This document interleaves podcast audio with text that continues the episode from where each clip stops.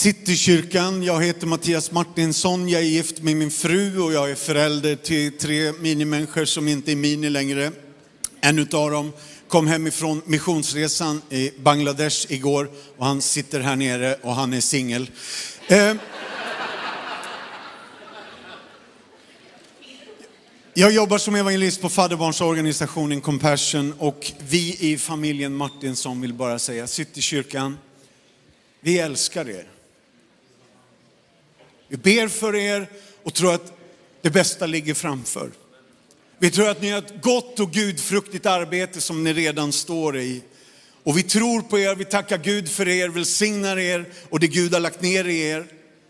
Vi gläds åt allt det goda som Guds rike har fått användning av i eran församling och Kristi kropp i landet. Och då tänker jag Ibios, New Wine, missionsarbetet, bedjandet, lovsångslinjen.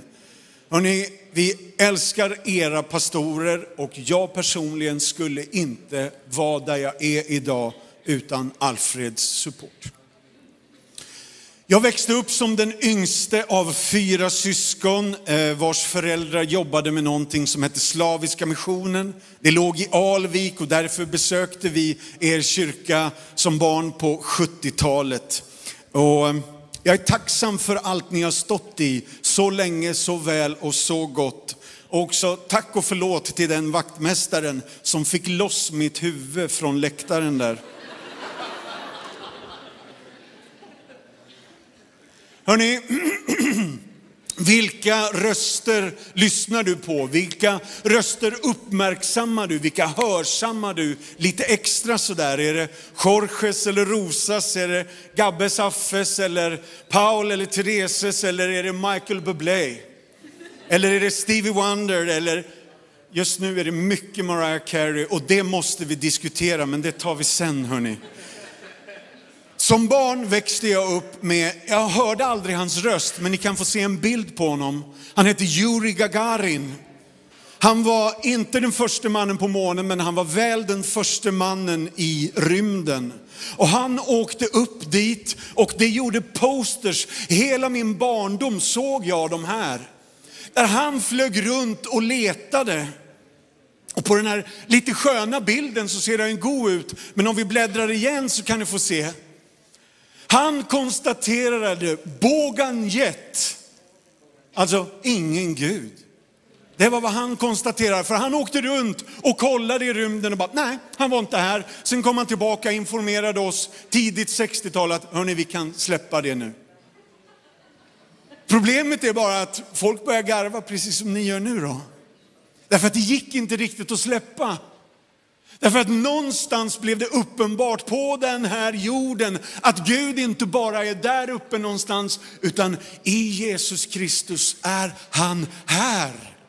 Han har blivit nära, kommit nära, blivit närvarande hos oss i tiden. Alltså han som är utanför tid, kliver in i tid. Och tur att ingen sitter här, för jag, jag har fått feeling redan.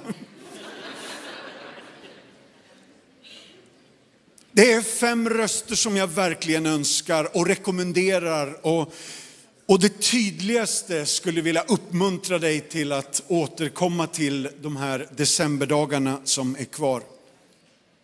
Det är Sakarias lovsång. Det är Elisabets lovsång. Det är Simeon i templet och hans lovsång och Hannas lovsång också för den del. Men framförallt Marias och änglarnas lovsång. Vi kommer att titta på en av de här idag och jag önskar att den skulle bli hörd lite mer i jul. För utan hennes röst så är det ingen jul alls överhuvudtaget. Hon föder inte bara en son utan hon föder också en sång. Vi ska läsa ifrån Lukas evangeliet kapitel 1 och det finns alldeles för få bilder av den här Maria som vi ska höra ifrån. Vi har givetvis bilderna på den ömma unga moden och sen senare i livet den slitna sörjande moden. Båda med blicken vänd mot sonen, barnet och korset. Helt riktigt så, men det är inte hela bilden. Så nu ska vi titta lite på hennes lovsång. Dagens text ger oss en lovsång ifrån lärjungen Maria, den första som blir helt frälst på Jesus. Den modiga Maria som sjunger högt. Hon som bär arbetskläder utstrålar både hopp och självsäkerhet trots oändlig osäkerhet och ett överhängande hot. Den Maria som profeterar politisk poesi som lämpar sig på ett högljutt torgmöte på Plattan. Hon som inte bangar för en match mot Herodes den store och förkunnar min son ska bli större än dig. Hon som plockar fram sin modiga moderlighet och tillrättavisar Messias när han är 12 år och trampar i tempelklaveret. Hon ber honom sen att lösa vinförsörjningen på ett bröllop och tvingar senare alla sina andra söner att hämta hem Jesus för att rädda honom från ett allvarligt och igen ett överhängande dödshot. Den Maria som utan att blinka följde med Jesus, inte bara med blicken utan med hela sitt liv, hela vägen till korset. Och då inte bara som en mor utan som en lärjunge, en efterföljare. Och de andra efterföljarna sprang på slutet. Men hon är kvar. Hon som trofast sitter och väntar tåligt på andens kraft i den övre salen i Apostlagärningarna. Hon leder oss idag till en julsång som brister av längtan efter rättvisa och massa mod att kämpa för den här rättvisan också. Som alla andra kvinnor i sin tid så kan hon ha burit både mantel och slöja. Men jag misstänker att ärmarna var uppkavlade och slöjan på sned. Hon som inte sänker blicken och definitivt inte sjunger ensam och i det tysta. Nu läser vi Lukas evangeliet kapitel 1, vers 39 till 56. Rubriken är Maria och Elisabet. Vid den tiden bröt Maria upp och skyndade till en stad i Judabergsbygd. Där gick hon in i Sakarias hus och hälsade på Elisabet. När Elisabet hörde Marias hälsning spratt barnet till i hennes moderliv. Hon blev uppfylld av den heliga ande och ropade med hög röst, välsignad är du bland kvinnor och välsignad är din livsfrukt. Men varför händer detta mig? Att min herres mor kommer till mig. Och när ljudet av din hälsning nådde mina öron så spratt barnet till i mig av glädje. Och salig är du som trodde, för det som Herren har sagt dig kommer att gå i uppfyllelse. Nästa avdelning och nästa rubrik heter Marias lovsång. Och jag vill bara räcka upp handen och säga en grej. Det här vi läser nu, det är de längsta orden sagda av någon kvinna i hela nya testamentet så kan vi spetsa öronen lite. Då sa Maria, min själ upphöjer Herren och min ande jublar över Gud min frälsare, för han har sett till sin tjänarinnas ringhet. Från denna stund ska alla släkten kalla mig salig, för den mäktige har gjort stora ting med mig och hans namn är heligt. Hans barmhärtighet varar från släkte till släkte över dem som vördar honom. Han har gjort väldiga gärningar med sin arm. Han har skingrat dem som har stolta hjärtan och sinnen. Härskare har han störtat från deras troner och de enkla har han upphöjt. Hungriga har han mättat med sitt goda och rika har han skickat tomhänta bort. Han har tagit sig an sin tjänare Israel och tänkt på att vara barmhärtig mot Abraham och hans barn till evig tid, så som han har lovat våra fäder. Maria stannade hos Elisabet i omkring tre månader och återvände sedan hem. Punkt nummer ett av fyra här då. Vi måste bara först konstatera det enkla, uppenbara och självklara att tillbedjan tydligen kommer inifrån. Det är synnerligen innerligt innan det blir ytterligt. Och jag vet att det inte heter ytterligt, men jag bara kunde inte låta bli att innerligt, yttre, in, ja ni fattar. Så funkar min hjärna. Det interna blir externt. Det som har gjort någonting, det som har under en tid, säga, bubblat här inne och det har ju faktiskt på riktigt hos Maria, men ni fattar. Själen berörs, anden väcks till sång och liv. Låt det Gud gör i ditt inre få pågå där en tid. Stressa inte det som händer där, utan låt det få växa till. Låt det få ta den tid det tar. Påskynda inte något som är internt så att det blir externt för tidigt. Vad är det jag säger? Jo, skriv inte allt på Facebook. Låt det ta den tid det tar och låt det över tid på något sätt landa i dig. I din persona, i din natur. Och jag vet att några av oss vill så fruktansvärt gärna slänga upp det på Insta, men gör inte det. Och då är väl din direkta fråga, hur lång tid ska det ta? Frågar du Maria så säger hon nio månader. Men det är inte det jag säger. Jag tror att vissa saker är mellan mig och Gud. Mellan Maria och Gud, för hon säger senare i nästa kapitel att hon tog allt detta till sitt hjärta och begrundade det. Så låt det interna få vara det en tid. Och när det blir externt eller extrovert, låt det då växa yttre. Subjektet, det inre, är min själ och min ande.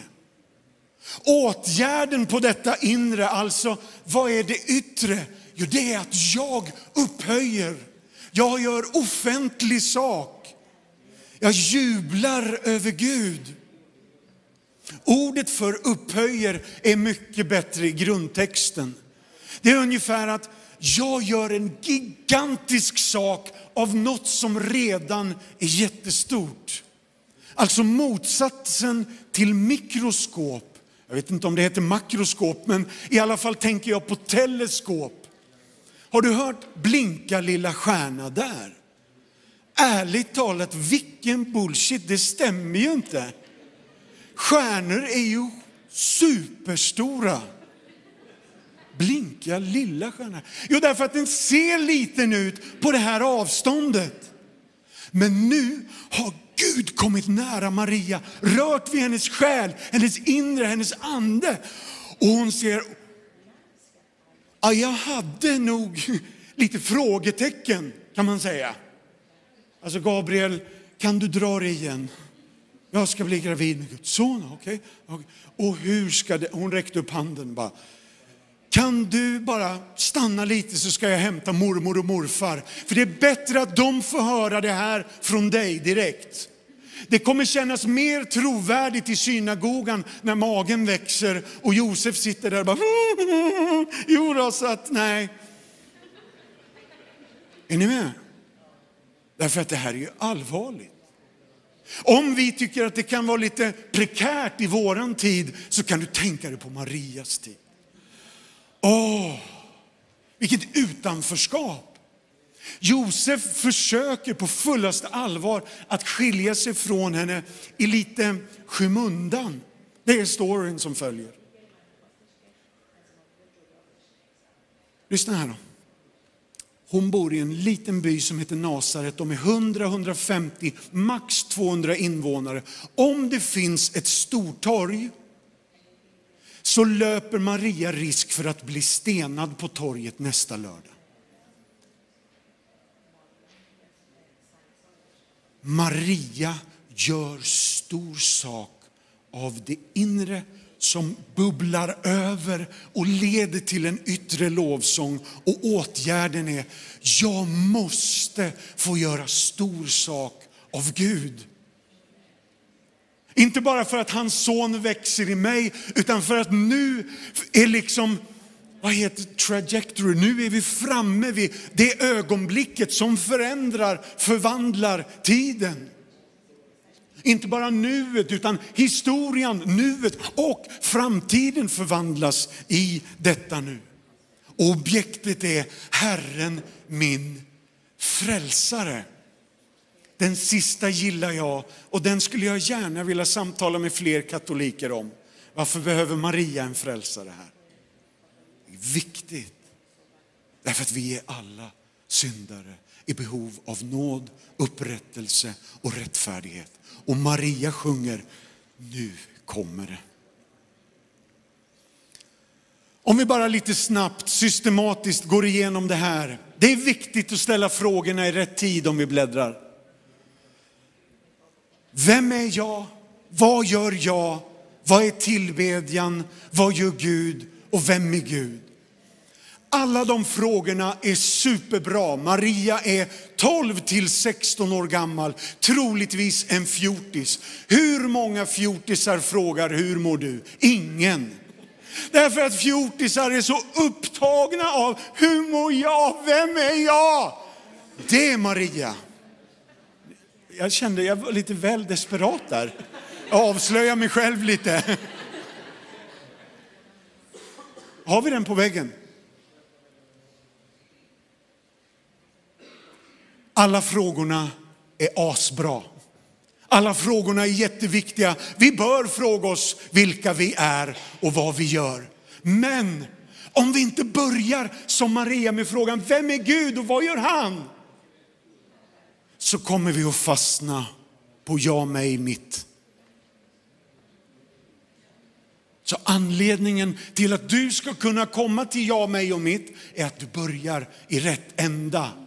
För då slipper du kamp och kramp och då får du tag på evangelium. Men nu tar vi punkt två, vi behöver gå vidare kan jag säga. Maria låter oss vara med på hennes synnerligen personliga och högst privata memorable moments, avgörande ögonblick. Ett sånt här från och med nu tillfälle. Jag vet inte om hon känner till Jag mötte Lassie, men det här förändrar saker och ting. Det här är ett minnesvärt möte. Så mellan min fråga och mitt svar så behöver jag som kristen, som en tillbedjare, leta efter ett personligt tilltal från Gud. För Maria frågar i vers 34, hur ska det gå till? Men i vers 38 svarar hon, låt det ske med mig. Och då undrar jag, vad hände däremellan? Hur ska det gå till? Och låt det ske med mig. Kommer ni ihåg när Jesaja gick på gudstjänst i kapitel 6? Inledningsvis skriker han, ve mig och förgås. All, sen frågar Gud, har vi någon vi kan sända? Vem ska vi sända? Han Kliar sig i skägget lite så här, bara, vem ska vi sända? Och Jesaja bara, sänd mig. Vad hände däremellan? Kolet rörde vid honom. Maria har fått höra det här. Hon frågar, hur ska det ske? Och då svarar Gud i vers 37, ingenting är omöjligt för mig. Och det förändrar allt. Det här är Marias memorable moment. Det här är det avgörande ögonblicket för dig och mig när vi undrar, hur är det möjligt, hur ska Gud kunna och så vidare använda mig och si och så och ditten och datten och helt plötsligt bara, du, ingenting är omöjligt för mig. Ja men okej, då signar jag upp, då kan jag vara med. Och det här går vidare, för mellan min fråga, hur ska det här ske, och mitt konstaterande, låt det ske, så svarar Gud, ingenting är omöjligt. Och i min tjänst ska jag alltid leta efter en bekräftelse från Gud och andra. Och lyssna nu, i den ordningen är bra. Det kommer att frigöra frimodigheten i min lovsång. För Elisabet, hon profeterar i vers 42, hon ropar med hög röst, välsignad är du. Alltså hon berättar om Maria det hon redan vet. Men också på något sätt stärker, styrker, befäster henne i det. Välsignad är du. Då säger Maria, min själ upphöjer Herren.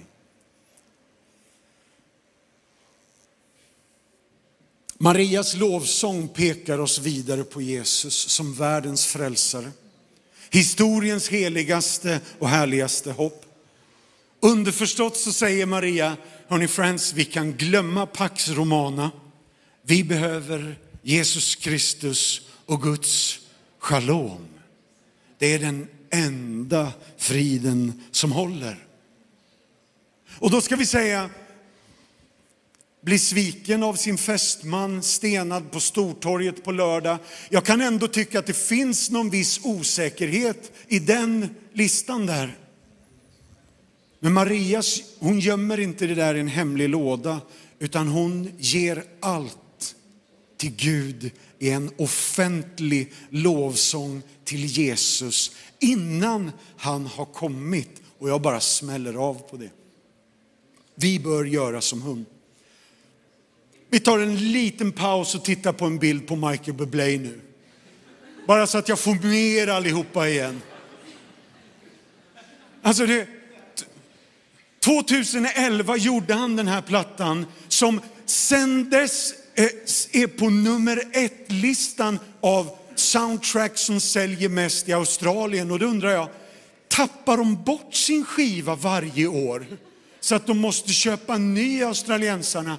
Är det ingen som har sagt åt dem att det finns Spotify?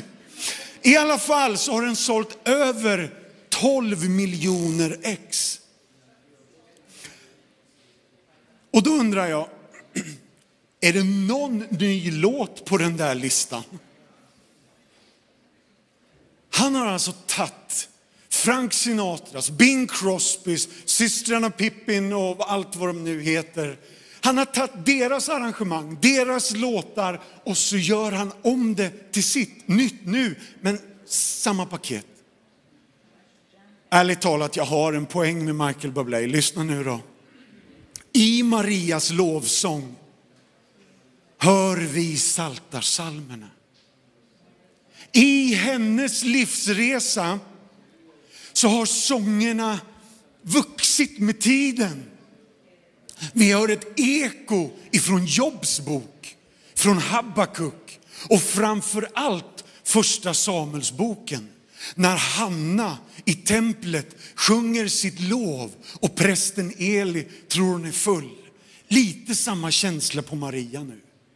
Vad händer här? Hon bara exploderar i en lovsång och då tänker jag, det borde ju varit en klagovisa.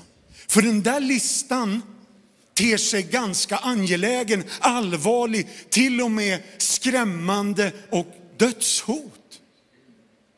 Detta till trots så sjunger hon om den här store, gode, evige, trofaste guden och håller kvar i löften som redan på hennes tid var tusen år gamla och som nu infrias i hennes mage. Det är mindblowing för en fjortis. Om vi bläddrar lite igen så kan ni få se en liten differens mellan Sakarias och mötet med Gabriel, Maria och mötet med Gabriel. Sakarias är man, Maria är kvinna. Sakarias är högutbildad präst, Maria är outbildad tonåring. Sakarias möter Gabriel i det allra heligaste. Maria möter honom i ett enkelt hem i Nasaret. Sakarias är rädd, Maria är förvirrad. Jag känner, ni hör ju vart jag lutar åt redan. Och sen tillkännager Gabriel, var inte rädd. Sakarias, din bön har blivit hörd. Och till Maria säger han, du har funnit nåd hos Gud. För det första så måste jag bara få säga, Sakarias är alldeles för gammal. Elisabet är alldeles för gammal. Och så säger Gabriel, din bön har blivit hörd. Till alla er som har bett för något länge, ge inte upp. Ge inte upp. Du som tycker att du har bett för länge, jag kan känna, Sakarias, nu kanske vi ska byta böneämne här. Ta, ta ett nytt. Be för Maria, hon har lite överhängande problem som du skulle kunna hjälpa mig med, henne med. Och så säger du har funnit nåd hos Gud. Du ska få en son och du ska få en son. Johannes är hans namn, Jesus är hans namn. Han ska bli stor. Han ska också bli större, större än Herodes också. Och han ska vara fylld av anden. Och Jesus ska vara den högste son. Johannes ska förbereda för kungen och Jesus är inte bara Israels kung utan hela världens räddning. Hörrni, lösningen på låsningen den här advent är inte hur ska vi få till allt det här med julklappar i tid.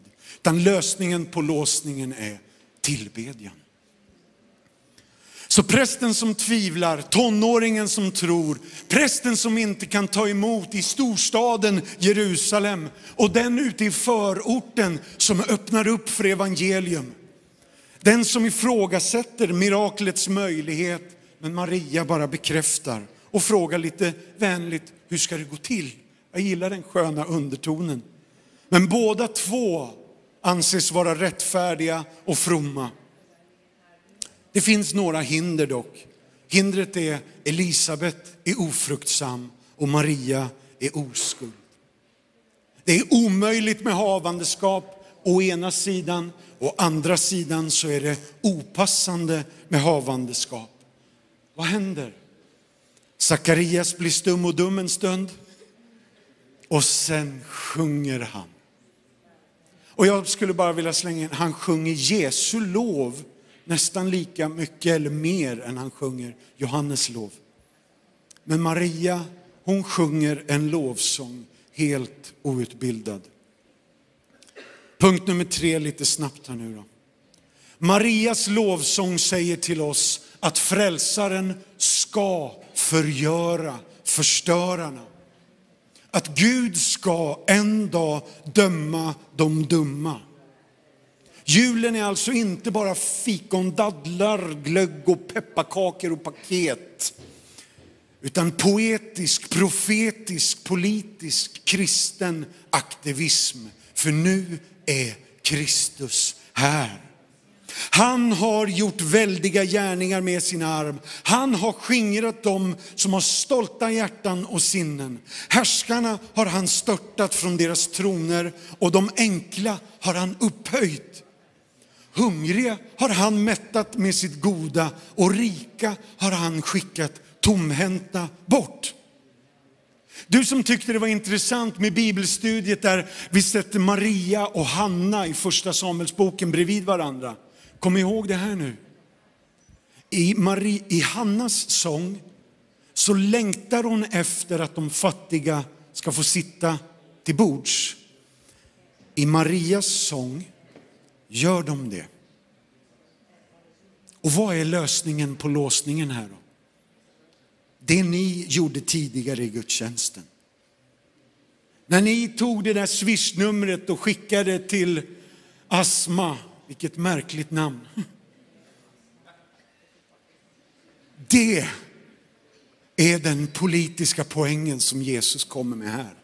Som Maria sjunger ut att lösningen på låsningen är att frälsaren ska förgöra förstörarna. Lyfta upp den fattige, den hemlöse, flyktingen, den faderlöse och änkan. Och ärligt talat, de här verserna är anledningen till varför jag jobbar med compassion. Punkt nummer fyra nu då. Marias lovsång lovar oss att Gud inte ljuger.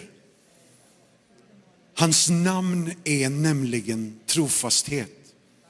Saker kan ta tid, men vår Gud är aldrig overksam.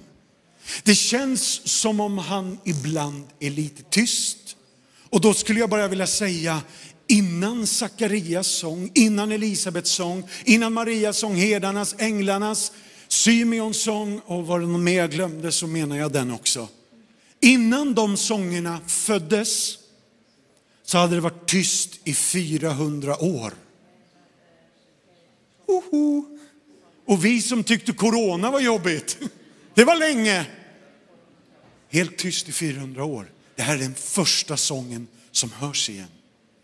Det säger oss någonting om lovsångens värde, vikt, tyngd och tilltal. Att den bara bryter någonting i tiden. Så det är inte bara utfyllnad för att vi ska liksom inte bara ha predikan på gudstjänsten när vi ses. Lovsången förändrar och förvandlar. Och Gud kommer att vara trofast. Sin eviga stora plan, trots vår rädsla, fruktan, så kan vi lita på Guds löften och hans eviga ord. Löftet till Maria, det här gillar jag, det kommer inte infrias förrän ens om sex månader, något sånt där. Och ingen har hört av Gud på 4000 år, men Maria sjunger innan han har kommit. Hon sjunger i tro. Och det ska vi också göra. Det bör vi också göra. Hans barmhärtighet vara från släkte till släkte över dem som vördar honom. Och han har tagit sig an sin tjänare Israel och tänkt på att vara barmhärtig. Vi ska gå ner för landning. Sista frågan nu då. Vad innebär det att Gud har blivit människa? Det metafysiska har blivit fysiskt. Om bara några minuter kommer du få vara med om det mysteriet där vi i nattvarden säger, för dig utgjutet, för dig utgivet. Så det metafysiska har blivit fysiskt. Vi tror inte att brödet är förvandlat, men vi lever med den symboliska verkligheten av att Gud inte är på avstånd, utan har kommit nära. Och det övernaturliga har på något märkligt sätt blivit naturligt. Det är så häftigt att du får leva i den tidsålder då det övernaturliga kan hända här. Den odödlige har blivit dödlig som du och jag. Han delar våra livsvillkor och förstår våra omständigheter. Den otillgänglige har närmat sig oss och det är väl nästan ett understatement. Alltså, han har inte bara närmat sig Maria, han har liksom fyllt hennes moderliv. Så snacka om att Gud har kommit nära och närmat sig oss. Och den osårbare har blivit sårbar.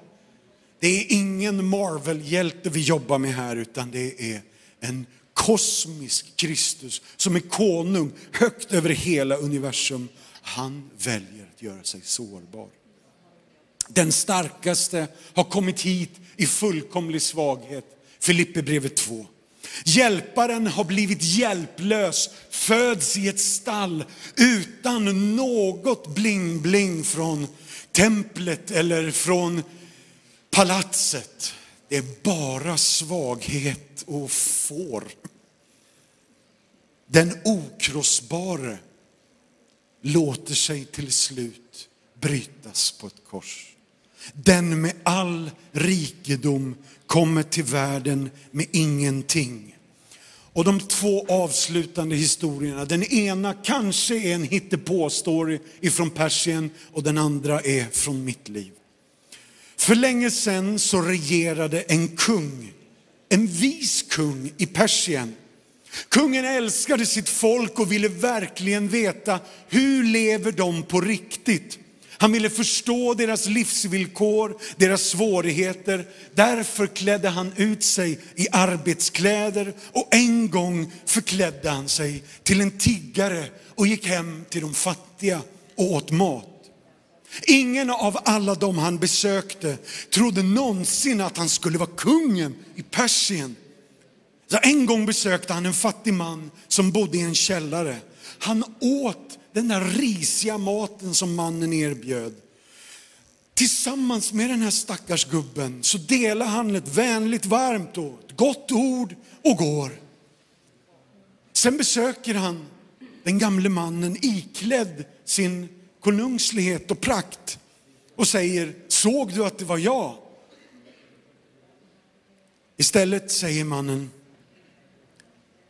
eller kungen frågade då, jag ska se, Kungen trodde att mannen helt säkert skulle be om någon gåva eller någon tjänst, men det gjorde han inte. Istället sa mannen, du lämnade ditt palats, din prakt, din makt, din härlighet för att besöka mig på denna märkliga och trista plats. Du åt maten jag åt. Du gav mig glädje i hjärtat. Till andra har du gett dina rika gåvor, men till mig har du gett dig själv. Den andra storyn är min egen. 2019 jobbade jag på Räddningsmissionen i Göteborg. En sen kväll, precis innan jag skulle sluta för dagen, så tog jag emot en riktigt sliten gammal trött och snurrig kvinna som bott på gatan hela sitt liv och hon fick nu ett eget rum, en bäddad säng, rena lakan, en handduk, mat, varma kläder, varmt vatten i duschen. Och hon grät sig till sömns av lycka. I flera dagar därefter så säger hon, är det här mitt? Får jag bo här? Är det här verkligen sant? Hon fick ett personnummer, hon fick en fast adress och det där gjorde att en advokat hörde av sig. Och han säger till henne, jag har sökt dig i flera år. Och han berättar nu att en avlägsen släkting har dött för en tid sedan. Och hon är den enda kvarlevande släktingen. Och hela arvet är hennes. Marias sång säger till dig och mig, det här är ditt. Det här är mitt. Och det bör föda en sång i dig. Låt det ske med mig som du har sagt. Nu ber vi.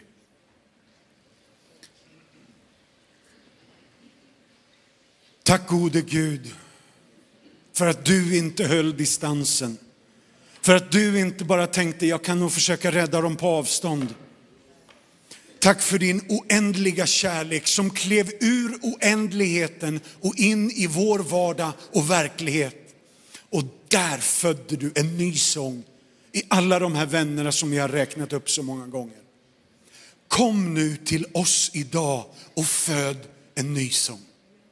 En andra adventssång som inte går av i bitti, som inte tacklar av på tisdag, utan som håller, inte bara veckan igenom, utan livet och evigheten in. Hjälp oss att i tro ta emot ditt ord och säga, är allt det här mitt? Ja, varför? Jo, för ingenting är omöjligt för Gud. Då måste jag få sjunga en sång för dig, Herre. Hjälp oss att sjunga från hjärtat, med hjärtat, från djupet av vårt inre. Så trots det som kan upplevas som ett överhängande hot, så vill vi ifrån djupet av vår själ tillbe dig med allt vi är och har. Och vi vill göra det i Jesu namn. Amen. Amen. Hörrni, ursäkta att jag pratar så länge. Eh, innan jag kliver av scenen och vi inleder nattvarden, kan inte alla ni som är engagerade i lovsångstjänsten, i den här församlingen eller i en annan församling, kan inte ni bara ställa er upp på er plats nu? Upp och hoppa. Bara ställ er där och vill ni, kan ni, känns det okej, okay, lägg handen på ert hjärta. Och ni som sitter i närheten av de här kan försiktigt lägga en hand på axeln på dem. Tack gode Gud för alla de här lovsångarna. Tack för alla de här Sakarias och Elisabet och Mariorna. Tack för alla de här Symeon som gick till templet varenda dag och inte slutade sjunga. Det var liksom inte så att volymen skruvades ner med tiden för han blev gammal och trött. Så kom helige ande med liv och kraft och nåd och hopp och tro och tröst och läkedom till alla dessa tillbedjare som tänker, kommer han snart eller? Jag vet inte om jag orkar en andra vers. Kom heligande, förnya, fördjupa, förstärk, förändra och förvandla de här vännernas hjärtan, deras inre, deras själ, så att hoppet föds på nytt och att de inte bara kan kliva in i en adventstid, utan i en tid där lovsång och tillbedjan föds på nytt med en känsla av att det kan vara en hel corona bakom eller 400 år bakom, men nu föds sången på nytt i ett hjärta som inte ger efter, som dukar under och kastar in handduken. Så där säger vi, heligande, du måste göra alltihopa. Gör det med kraft, på djupet till förändring, läkedom och upprättelse och en sång som inte ger upp. Tack far. Signa var och en i Jesu namn. Amen.